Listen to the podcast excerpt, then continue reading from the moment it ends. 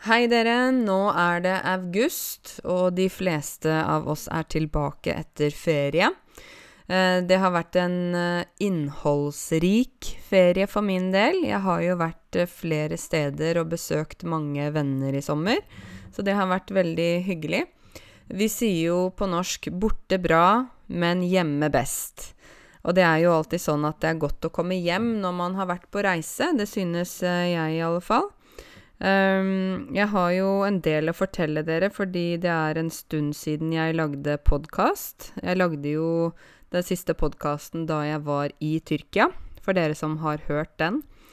Um, så jeg tenkte jeg skulle fortelle litt fra min uh, reise til Amsterdam i Nederland. Jeg har jo vært i Amsterdam ca. en uke, og der besøkte jeg uh, en tidligere kollega som kommer fra Nederland. Uh, det var veldig hyggelig. Uh, hun bor i en veldig liten leilighet, faktisk så liten at hun ikke hadde plass til å ha meg der, så jeg bodde på hotell. Uh, I Amsterdam så er det jo veldig mange mennesker, og Nederland som land er jo egentlig litt overbefolket. Overbefolket betyr at det er mange mennesker på et lite sted. Eh, Hongkong, for eksempel. Eh, I sentrum av Hongkong er det veldig overbefolket. I Nederland er det ikke så ille, men allikevel er det mange mennesker. Det er jo også fordi det er mange turister. Mange ønsker å komme til Amsterdam, eh, fordi ja, Amsterdam er jo en kjent by som de fleste har en interesse for å se. Um, jeg fikk jo se byen fra innsiden når jeg gikk sammen med en eh, lokal person, så det var jo veldig hyggelig. Jeg synes det er en veldig trivelig by. Trivelig er uh, adjektiv. Dere vet dette verbet 'å trives'. Jeg trives i Norge. Men en by, eksempel, kan være en trivelig by, altså at det er lett å, å like byen. Um, det er jo kanaler rundt i byen, så jeg var på sånn kanalcruise.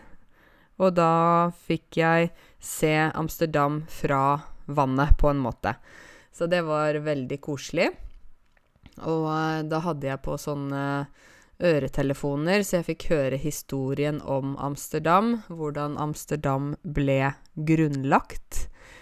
Um, og det som jeg forsto, og det som jeg også ser når jeg tenker på um, byen i seg selv, er at uh, det er en veldig fri by, en åpen by.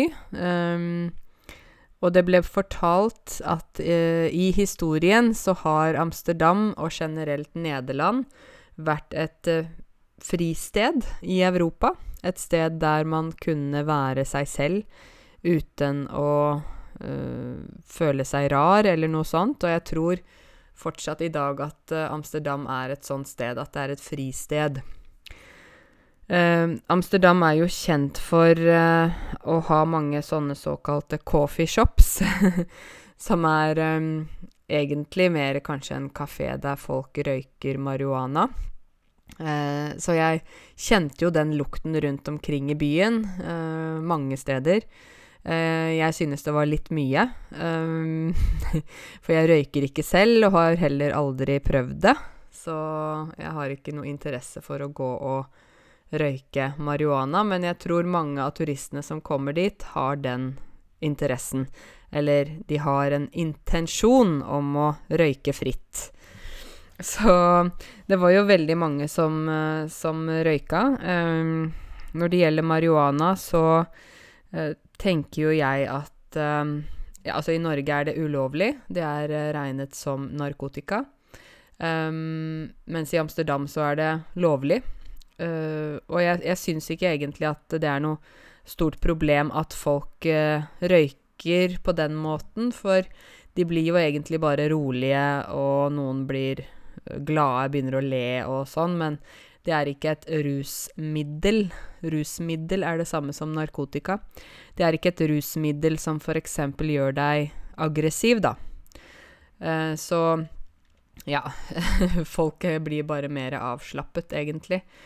Um, og jeg tenker kanskje Amsterdam har gjort et uh, smart valg i å tillate marihuana. Fordi det er så mange som bruker det. Det er uh, noe som er veldig vanlig blant uh, alle mulige typer folk. og i Norge er det ulovlig. hvis man blir tatt med marihuana på seg på gata, f.eks. hvis det kommer politi med politihund som sjekker deg, og det viser seg at du har marihuana på deg, så vil du ikke få fengsel, men du vil få en bot. Kanskje at du må betale 5000 kroner eller noe sånt. Og så vil det selvfølgelig bli registrert hos politiet, da, at du har hatt dette på deg.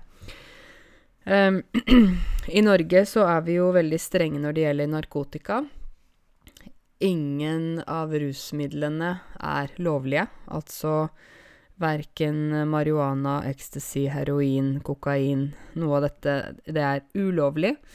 Um, vi har jo selvfølgelig allikevel folk som bruker det, og det er jo uh, helt uh, vanlig i hele verden, egentlig. Uh, folk bruker jo rusmidler. Jeg sier rusmidler, men jeg kan også si narkotika. Folk bruker rusmidler av forskjellige grunner. Noen bruker det når de fester, andre bruker det for å rømme vekk fra vanskelige ting. Å rømme, ikke sant, det er litt det samme som å flykte. Det er ikke rømme som vi har på maten på taco, men det er et verb å rømme. Å rømme vekk fra. Så uh, i Oslo, eksempel, kan du jo se narkomane. Narkomane kaller vi de som bruker uh, rusmidler daglig. Uh, du kan se de rundt i byen. Av og til sitter de med en kopp og tigger penger. Uh, av og til går de rundt og selger det magasinet som heter Er lik Oslo. Uh, ja. Men jeg vil jo si at det er ganske fredelige mennesker, egentlig, som egentlig ikke ønsker andre noe vondt, men de har sine problemer, da. Tilbake til Amsterdam så var det jo mange sånne butikker der man kunne kjøpe kaker med marihuana, eh, drikke med marihuana, eh, godteri med marihuana, sjokolade Det var alle mulige ting. Og så hadde de sånne såkalte magic mushrooms, altså sopp, som man kunne ta for å få hallusinasjoner og så videre. Så jeg jeg tok ikke noe av det. Jeg har ingen interesse for å prøve narkotika, men jeg så jo at det var mange som gjorde det, da. Men det er jo deres valg. Det er en by som er fri på den måten der. Så ja. Uh, jeg var jo på en del shopping i Amsterdam. Uh, først synes jeg det var ganske dyrt, for jeg så på prisene f.eks. på joggesko, så synes jeg vel egentlig at det kanskje var f.eks. billigere i Sverige. Eh, men etter hvert så fant jeg noen butikker der det var ganske billig, og da var det gøy. Da kunne jeg f.eks. kjøpe en olabukse til 10 euro. Olabukse er jo det som mange av dere kanskje kaller for jeans. Uh, mens de fleste av oss nordmenn sier olabukse. Og grunnen til at vi sier olabukse, det er fordi uh, jeansen, ikke sant, fra Levis, da, det ble innført i Norge på rundt 50-tallet, altså for 70 år siden. Uh, og da visste de ikke hva slags navn de skulle ha på denne buksa, fordi jeans var jo engelsk. Um, men det de så etter hvert, var at dette ble en veldig vanlig bukse, veldig populær bukse. Og så var det sånn at på 50-tallet så var det veldig populært og veldig vanlig å hete f.eks. Ola. Ola er et navn på på en mann, Ola. Eller Ola. og da kalte de det for olabukse, altså en populær bukse. Akkurat som Ola var et populært navn. Så derfor heter det olabukse. Jeg sier Ola. Jeg vet ikke om dere hører den l.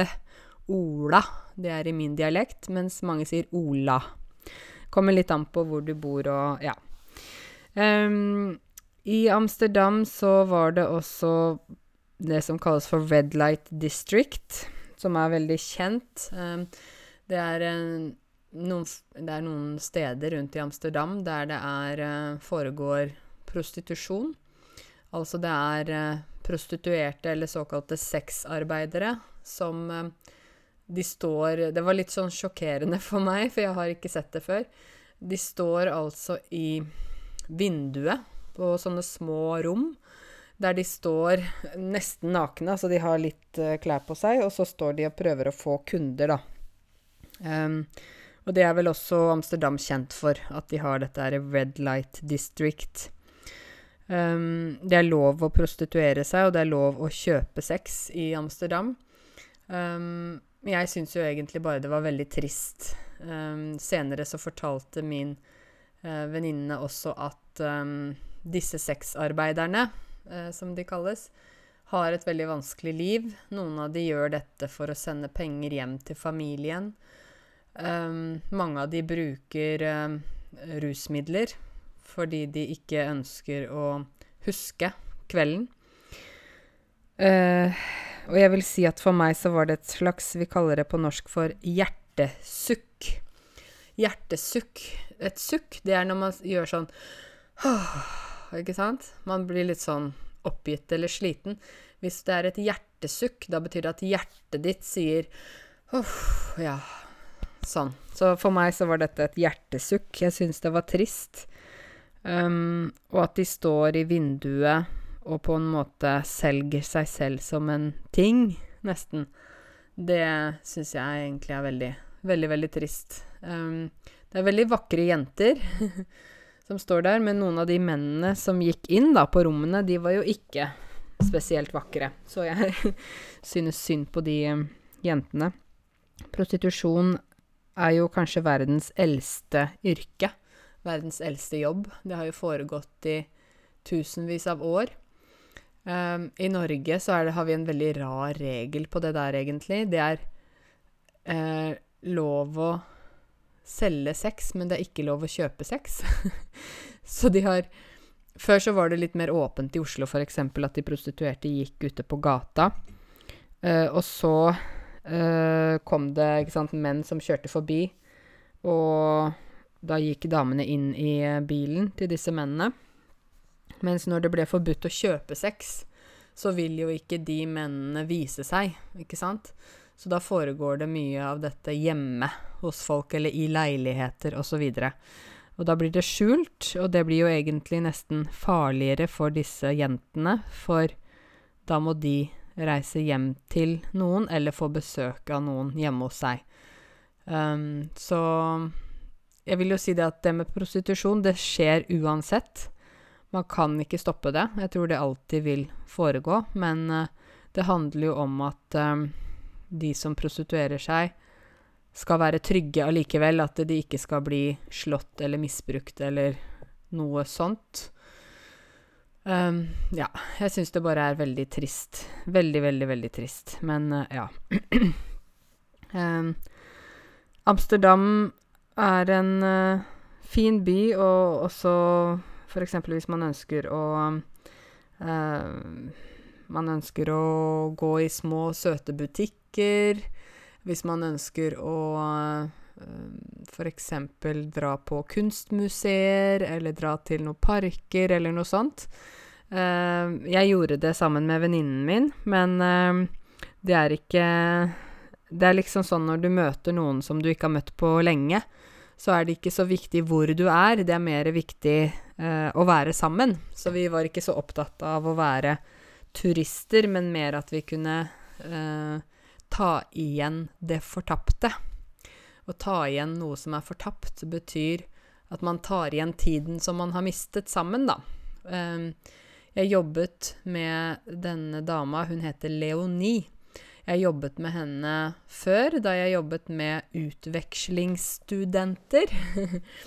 jeg jobbet uh, som uh, leder for studenter som kom til Norge, videregående studenter. Og så prøvde jeg å finne vertsfamilier til disse studentene. Vertsfamilie er da en familie som tar en student inn for et år, og behandler han eller hun som sin datter eller sønn. Uh, og um, det var ganske vanskelig, for i Norge så er det ikke så veldig åpen tradisjon for å ha fremmede i hus, ikke sant. Så det var jo mye lettere når vi sendte norske studenter til f.eks. USA, hvor det er veldig vanlig å ha vertsstudenter, og så fikk de eh, bo hos en amerikansk familie. Så ja, det er begge veier, på en måte, da. Men eh, det var i hvert fall sånn jeg møtte Leonie, og så har vi holdt kontakten etter det. Så da var det hyggelig å møte henne i Amsterdam. Um, det er jo mye som skjer i nyhetene nå for tiden.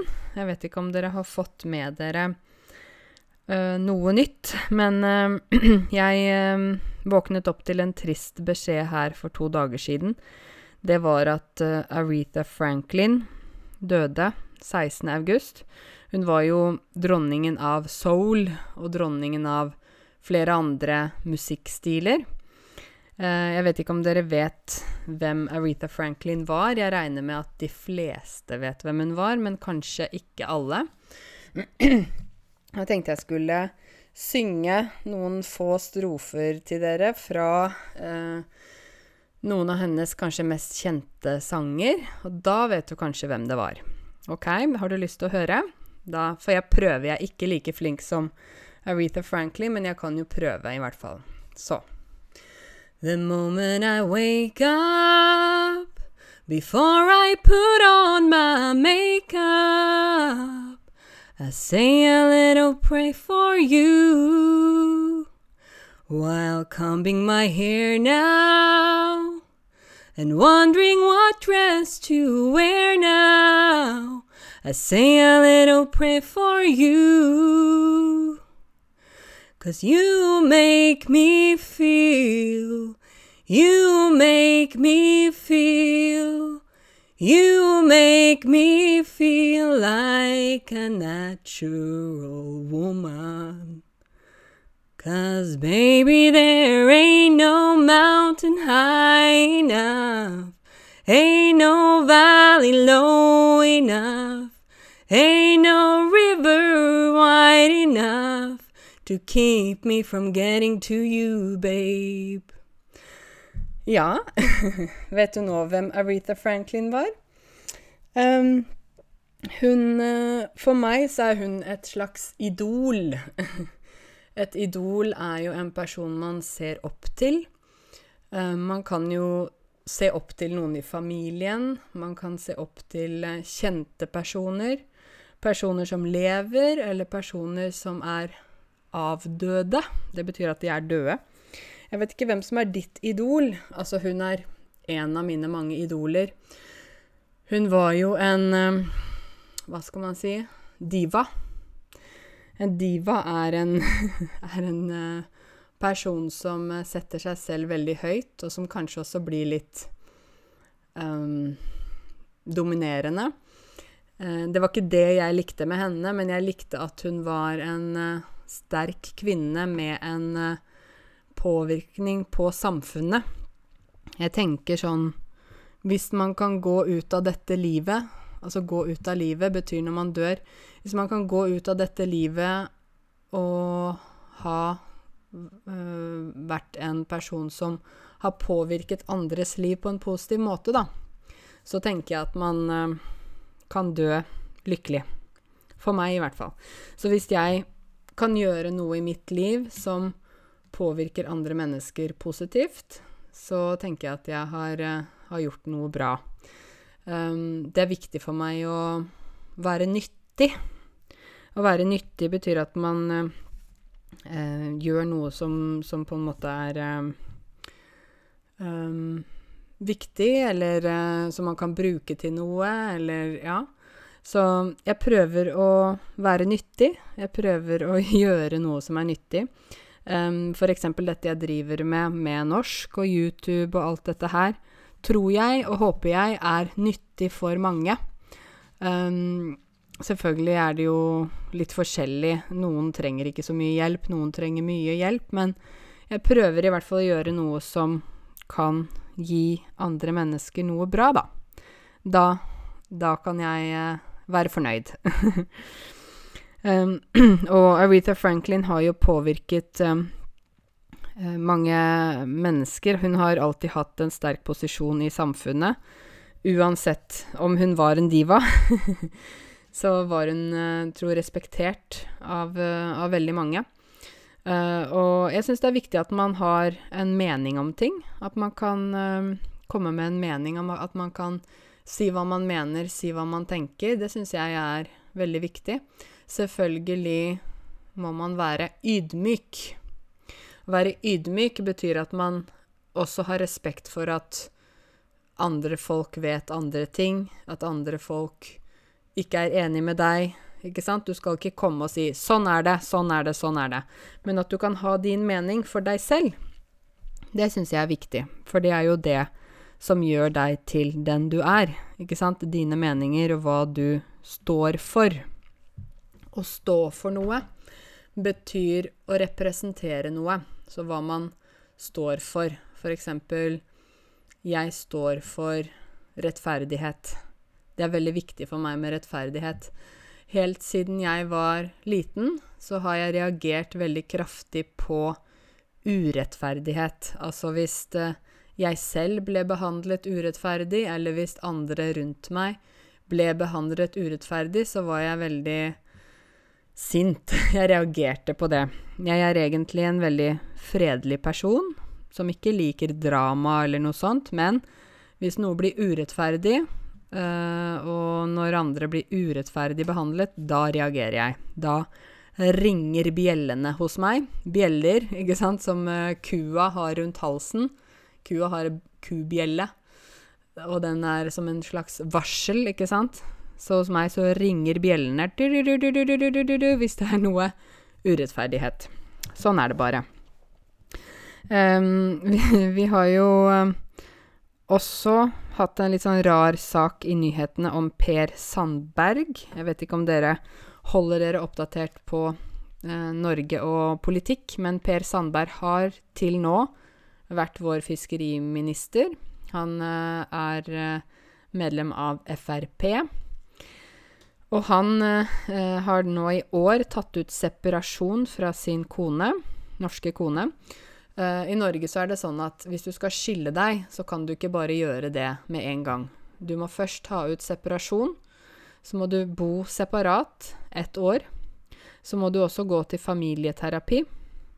Og hvis du da fortsatt etter ett år ikke vil være gift lenger, ikke vil være sammen, da er separasjonen et faktum.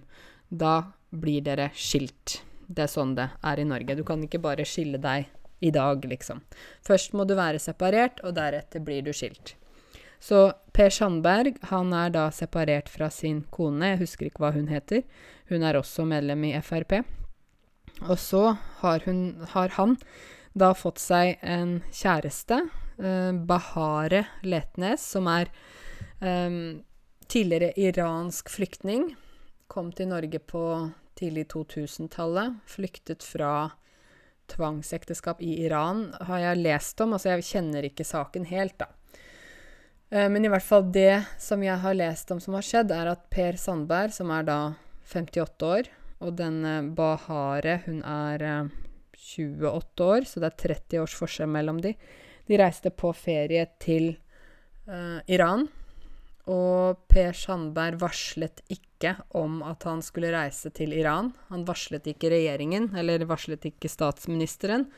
For det må man gjøre når man sitter i regjeringen, så må man varsle dersom man reiser utenlands, selv om det er en privat ferie. Så han varslet ikke, eh, dro dit, tok også med seg jobbtelefonen sin. Og jobbtelefonen hans inneholder da mye informasjon sikkerhetssystemer, ting som på en måte er sensitivt. Um, hvor da um, han har fått uh, påpakk fra statsministeren. Å få påpakk betyr at man får kjeft eller får uh, ja, kritikk for uh, at han gjorde dette her. At han bare reiste uten å varsle. Uh, og fordi dersom noen uh, får tak i mobilen hans, f.eks., og hacker mobiltelefonen, så kan de gå inn og finne masse sensitiv informasjon om Norge, rett og slett. Ikke sant? Fordi Per Sandberg sitter i regjeringen. Og på grunn av dette så ble han kalt inn til pressekonferanse med statsministeren, øh, hvor han da selv valgte å gå av. Å gå av betyr at man øh, liksom slutter, da. Han gikk av som fiskeriminister, og har i etterkant vært intervjuet på flere måter, men han er Jeg vet ikke.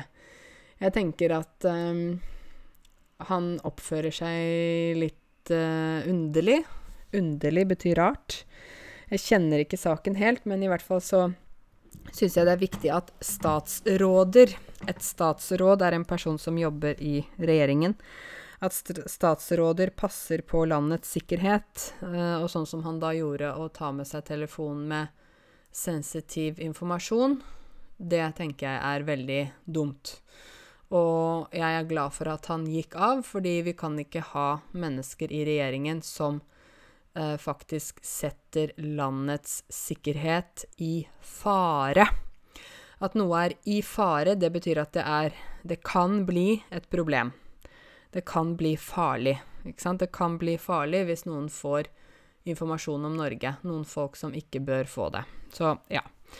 Han har gått av som fiskeriminister, og det er jo den andre ministeren i denne regjeringen som har gått av.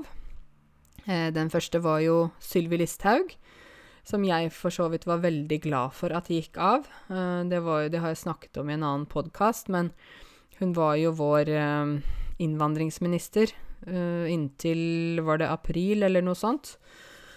Jeg var veldig glad for at hun gikk av.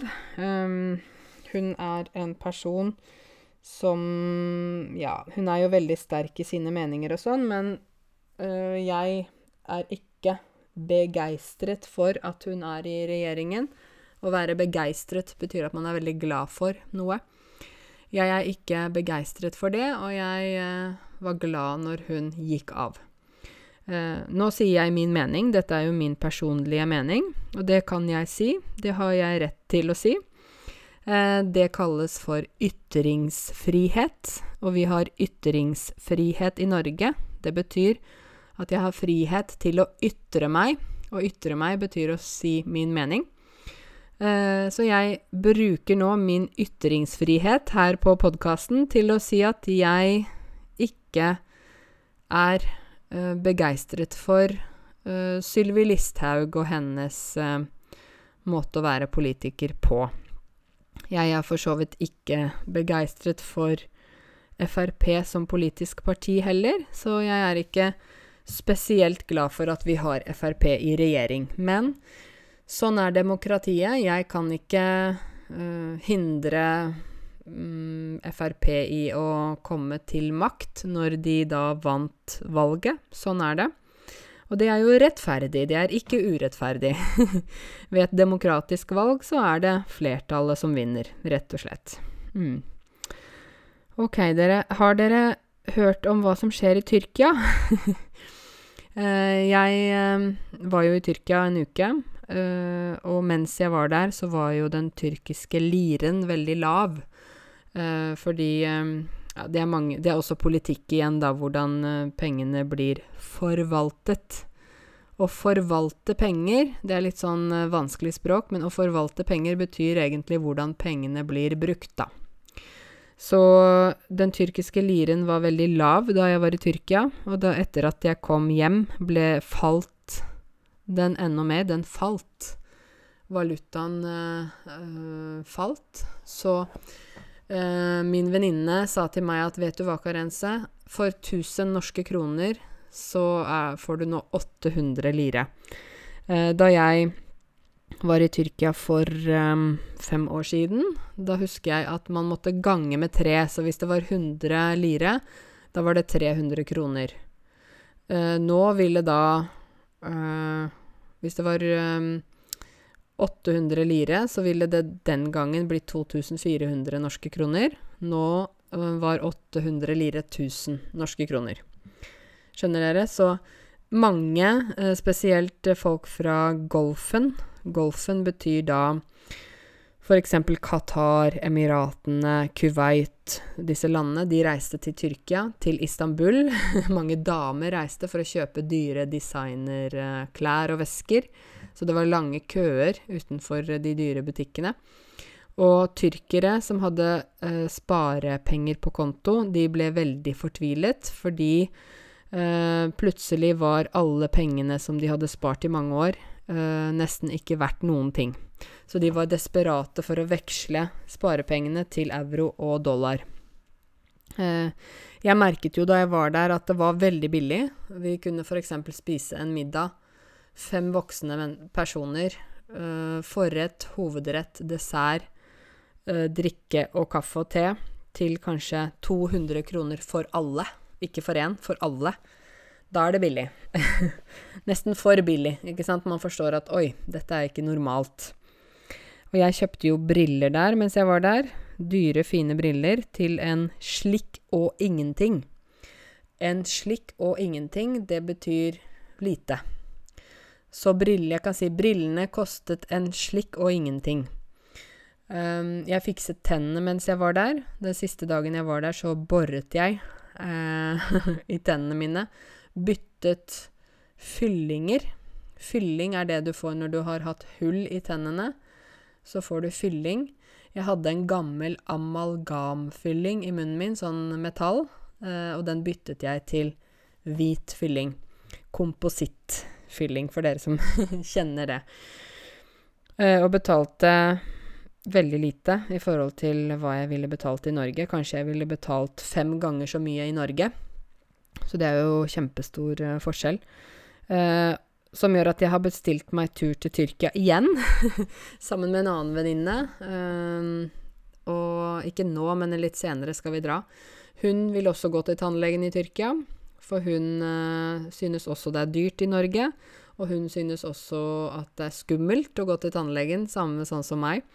Så jeg sa til henne at denne tannlegen var veldig flink, og i tillegg snakket han engelsk, som jo er viktig. Så um, vi skal ned til Tyrkia senere i år. Um, det er jo sånn i Norge at vi har et velferdssystem uh, som uh, gjør at vi skal få gratis helsetjenester, men vi får gratis tannlege frem til vi er 18. Fra vi er 18 til 21 må vi betale jeg tror det er 30% eller noe sånt. Og fra 21 år så uh, må vi betale alt selv. Det synes jeg er veldig rart. Uh, jeg synes det er kritikkverdig. Altså det betyr at det er Man kan kritisere. Jeg synes det er kritikkverdig at Norge ikke har noe ordentlig system på uh, gratis tannlege. Altså jeg tenker tannhelse er veldig viktig. Å ha gode tenner er viktig. Uh, mens når det blir veldig dyrt, så er det jo sånn at man da vurderer om man skal gå til tannlegen eller vente. Og venter man, så blir problemet større. Um, mange studenter som er over 21 år, ikke sant, de har dårlig råd. Det betyr at de har lite penger. Og prioriterer ikke tannlegen mens de studerer. Kanskje de studerer i fem år, og ikke går til tannlegen på fem år. Og når de da er ferdig utdannet, så går de til tannlegen og får en stor faktura. Så jeg tenker at uh, Norge, som er et land med så få folk, så få mennesker, burde absolutt gi gratis tannlegetjenester til folket, da. Jeg syns det er rart at vi ikke gjør det. Men da får vi igjen dette som kalles for tannlegeturisme. Blant annet til Ungarn, til Polen, til flere land i Europa og til Tyrkia. Så jeg skal være tannlegeturist og dra til Tyrkia for å fikse litt mer på tennene mine. Jeg skal trekke trekke to tenner. Å trekke tenner betyr at man tar de ut av munnen. Det er visdomstenner. Jeg har to visdomstenner, de bakerste tennene som man får når man er voksen. De skal jeg trekke. Um, og så må, må, jeg faktisk rotfylle en tann. Og rotfylle betyr at uh, det er en rot i tanna, langt nede i tanna, som er død, og man må fylle den roten. Så det skal jeg gjøre når jeg drar til Tyrkia igjen. um, men det er mye som skjer i verden. Jeg føler at det er mye som beveger seg i verden, både mellom mennesker, mellom land, i uh, politikken, men også i klimaet, ikke sant. Dere ser jo, dere som har vært i Norge i sommer, ser hvor varmt vi har hatt det. Vi har hatt det unormalt varmt her i Norge. Uh, og det tenker jeg det er av global oppvarming. Um, men for meg så er det uh, helt sjokkerende at vi i Norge har hatt en så varm sommer. Varmere enn det har vært i mange varme land. Og da tenker jeg at oi, her er det virkelig noe som skjer. Dette er kritisk, for Norge er ikke et land som har 35-40 plussgrader på sommeren. Så det betyr at uh, endringer skjer, rett og slett. Um, I dag, når jeg gikk inn på Jeg går jo ofte inn på avisene, leser nettaviser osv. Jeg vurderer faktisk å abonnere på Aftenposten i helgene. Altså man kan abonnere på avisene kun i helgene, papiravisen altså. Uh, fordi da har jeg mer tid, og da tenker jeg det kan være veldig ok å bruke litt tid på å lese avisen. Så jeg uh, tenker på det, men jeg, foreløpig leser jeg nettaviser. Og jeg så i dag at uh, eh, er død. Døde i dag. Eh, Kofi Annan eh, var jo eh, FNs generalsekretær i flere perioder. han var jo opprinnelig fra Ghana i Vest-Afrika, og veldig kjent for å jobbe med fredsprosesser i verden. Så det syns jeg var trist. Jeg tror flere ble også uh, lei seg da de hørte at uh, han var død. Så nå er det både Aretha Franklin og Kofi Annan. det er jo sånn når man mister sånne mennesker som har vært viktig ikke bare for et land, men for verden, så er det litt rart i etterkant. Og noen uh, Kofi Annan ble 80 år, um, men noen mennesker dør jo altfor tidlig, ikke sant? Men allikevel har de satt spor. Å sette spor betyr at man har uh, på en måte gjort noe slik at folk husker deg. Å sette spor betyr egentlig, du vet, når du, når du trår i bakken med skoen din, eller også barbent, så etterpå kan du se fotavtrykket ditt, eller du kan se fra skoen at du har gått i sanden, f.eks. Så når man setter spor, så har man på en måte satt uh, fotavtrykket uh, på verden. jeg tror jeg har satt spor også hos mennesker. Alle har satt spor hos andre, ikke sant, fordi du ikke blir glemt. Så Kofi Annan og Aretha Franklin har begge satt spor i hjertene våre. Da blir jeg litt poetisk her, dere. Nei, men det er øh, øh, egentlig veldig Det er trist når noen dør, men det er jo også naturlig, ikke sant? Så man kan jo liksom ikke si at øh, Man kan ikke si at uh, folk ikke skal dø. Folk dør, og sånn er det, men det er trist. Trist når noen dør. Det er alltid trist. Um, jeg har lest en fantastisk fin bok som heter 'Kunsten å høre hjerteslag'. Det er en kjærlighetshistorie fra Burma. Um, den er skrevet av Jan Philip Senker. Den er oversatt til mange språk. Um, jeg kan anbefale dere å lese den boka. 'Kunsten å høre hjerteslag'. Jeg skriver den her i beskrivelsen til uh, denne podkasten, slik at du kan finne den. En veldig vakker bok, egentlig. Veldig interessant. Um, jeg har jo hatt noen studenter fra Burma, eller Myanmar, som kanskje er mer riktig navn. Jeg har hatt flere studenter fra Burma, og jeg vet jo hvordan de har slitt, hvor, hvor vanskelig det har vært i regimet. Uh, jeg har jo en veldig flink dame som er en tidligere student av meg, som uh, flyktet fra uh, Myanmar. Altså hun ble uh, kvoteflyktning via FN. FN betyr Forente nasjoner, eller på engelsk United Nations. Hun var kvoteflyktning fra FN og fikk opphold i Norge på humanitært grunnlag. Det betyr at hun er sikret opphold i Norge fordi hun ikke kan reise tilbake til Myanmar, som er hjemlandet hennes. Og hun satt i fengsel i syv år i Myanmar fordi hun og flere andre protesterte da universitetet skulle plutselig stenges. Hun gikk og tok master på den tiden, og plutselig måtte universitetet stenges. Man fikk ikke lov til å studere mer. Og da protesterte hun, og ble satt i fengsel i syv år. Og jeg husker hun fortalte meg at eh, det var syv grusomme år. Grusom betyr noe som er veldig, veldig dårlig. Veldig forferdelig. Syv grusomme år hvor hun ø, bodde på en liten celle. Det var ikke som norske fengsler, altså. Um, hun fortalte meg at hun pleide å ta pushups hver dag, og det pleide å krabbe rotter rundt i rommet der hun Rundt i cellen hennes. Rotter, ikke sant. Ikke mus, men rotter. Um, så når hun kom til Norge, så uh, lærte hun seg norsk. Hun har tatt også en master her i Norge. Og så husker jeg at hun hadde veldig vanskeligheter med uh, uttale, av norsk uttale. Hun syntes det var veldig vanskelig å si ord på norsk. Hun var veldig flink i norsk, men uttalen hennes gjorde at folk ikke forsto hva hun sa.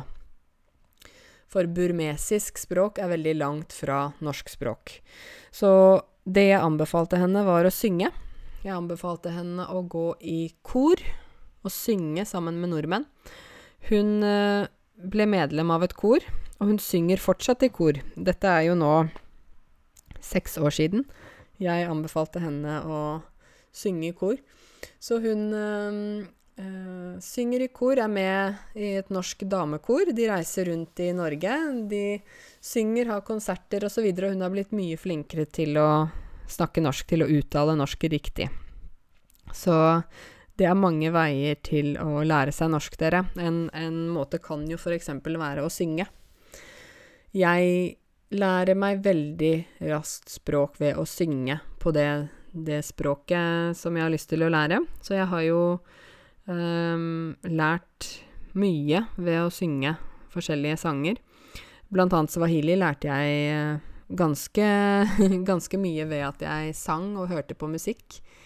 Og fransk har jeg lært en del. Um, arabisk har jeg hørt på mange arabiske sanger. Det er litt vanskelig å lære seg helt utenat, men men jeg lærer allikevel uh, ved å høre på musikk, da lytte til musikk. Kanskje dere lærer ved å lytte til musikk, eller kanskje dere lærer ved å lytte på denne podkasten. Det håper jeg jo, at det er noe nyttig ved den podkasten for dere. Jeg um, tror jeg avslutter nå. Nå har jeg snakket og snakket og snakket. Uh, jeg er jo sånn at jeg, uh, jeg snakker uh, mye, og jeg kan snakke lenge. Av og til så må man runde av. Å runde av betyr at man slutter sakte. Så nå skal jeg runde av. Jeg håper at dere alle har det bra, og at dere um, oppsøker norsk på mange forskjellige måter. Filmer, programmer, radioer, podkaster, norskkurs osv. Og, og at dere eh, skjønner det at uh, å lære et språk, det er sammensatt. Så du kan ikke bare lære det på én måte, du må lære på mange måter. Så jeg ønsker dere alle en fin dag, og så høres vi, snakkes vi, snart igjen. Kos dere og ha det godt.